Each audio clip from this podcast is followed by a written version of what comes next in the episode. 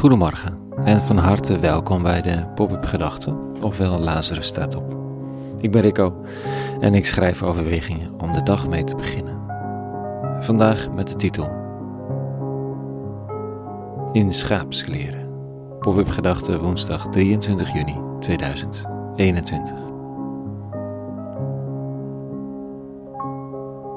Ken je dat keurmerk op vis? MSC, Marine Stewardship Council. Ik check het altijd voor ik het koop. We zijn jaren geleden begonnen met het minderen en uiteindelijk bijna volkomen ophouden met het eten van vlees. Niet als prestatie, hè? Zo moeilijk bleek het niet te zijn. Het is net als met roken. Er schijnt zo'n cursus te zijn die vertelt over wat roken met je doet. En die dat zo grondig doet dat je sigaret er echt goor van gaat smaken.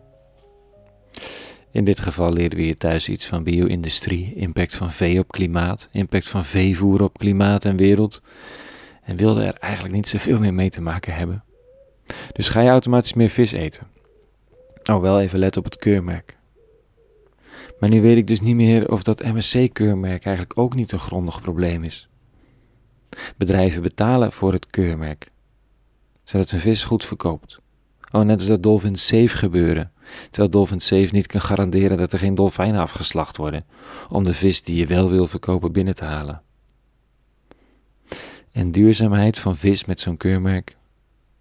Seaspiracy is de film op Netflix en je tuimelt van de ene totaal schok in de andere. Natuurlijk komen de visserijenbedrijven in het geweer tegen deze docu en er zal vast een en ander op af te dingen zijn. Maar er is iets aan de hand in onze oceanen en wij eten er de vruchten van. Ik kom erop vanwege de lezing van de dag vanochtend. In die tijd zei Jezus tot zijn leerlingen: Wacht u voor valse profeten. Mensen die tot u komen in schaapskleren, maar van binnen roofzuchtige wolven zijn. Aan hun vruchten zult u ze kennen. Plukt men soms druiven van dorens of vijgen van distels? Zo brengt iedere goede boom goede vruchten voort, maar de zieke boom brengt slechte vruchten voort. Roofzuchtige wolven van deze wereld hullen zich in schaapskleren. Ze komen met vruchten en het is steeds moeilijker te onderscheiden of het goede of slechte vruchten zijn. We kunnen iedereen wegzetten als wolf in schaapskleren of valse profeet, toch?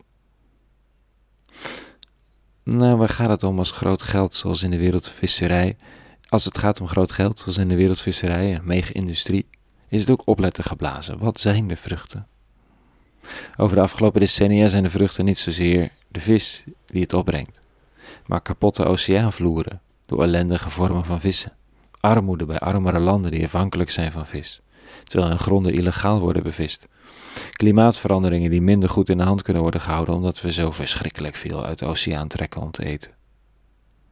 Gevaarlijke vruchten, slechte vruchten. Ja, maar de vis is lekker en gezond. Dan zegt Jezus, nou ja, pluk men druiven van dorens of vijgen van distels. Wat is de impact van een industrie? Wat zijn de gevolgen van de handelingen van een bedrijfstak of een mens? Als dat lelijk, afbrekend of slecht is, dan kunnen de vruchten niet goed zijn.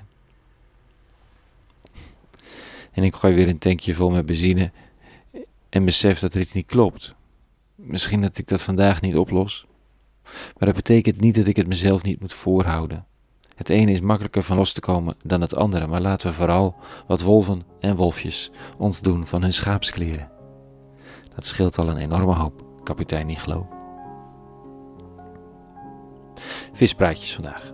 Maar ter illustratie van de lezing van de dag. Check de vruchten die iemand of iets voorbrengt.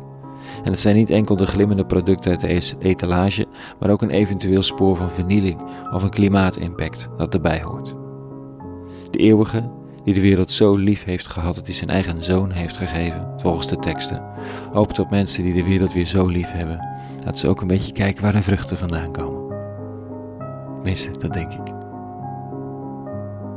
Tot zover vanochtend. Een hele goede woensdag gewenst en vrede. Echte vrede. Eventueel een beetje ten koste van de lieve vrede. En alle goeds.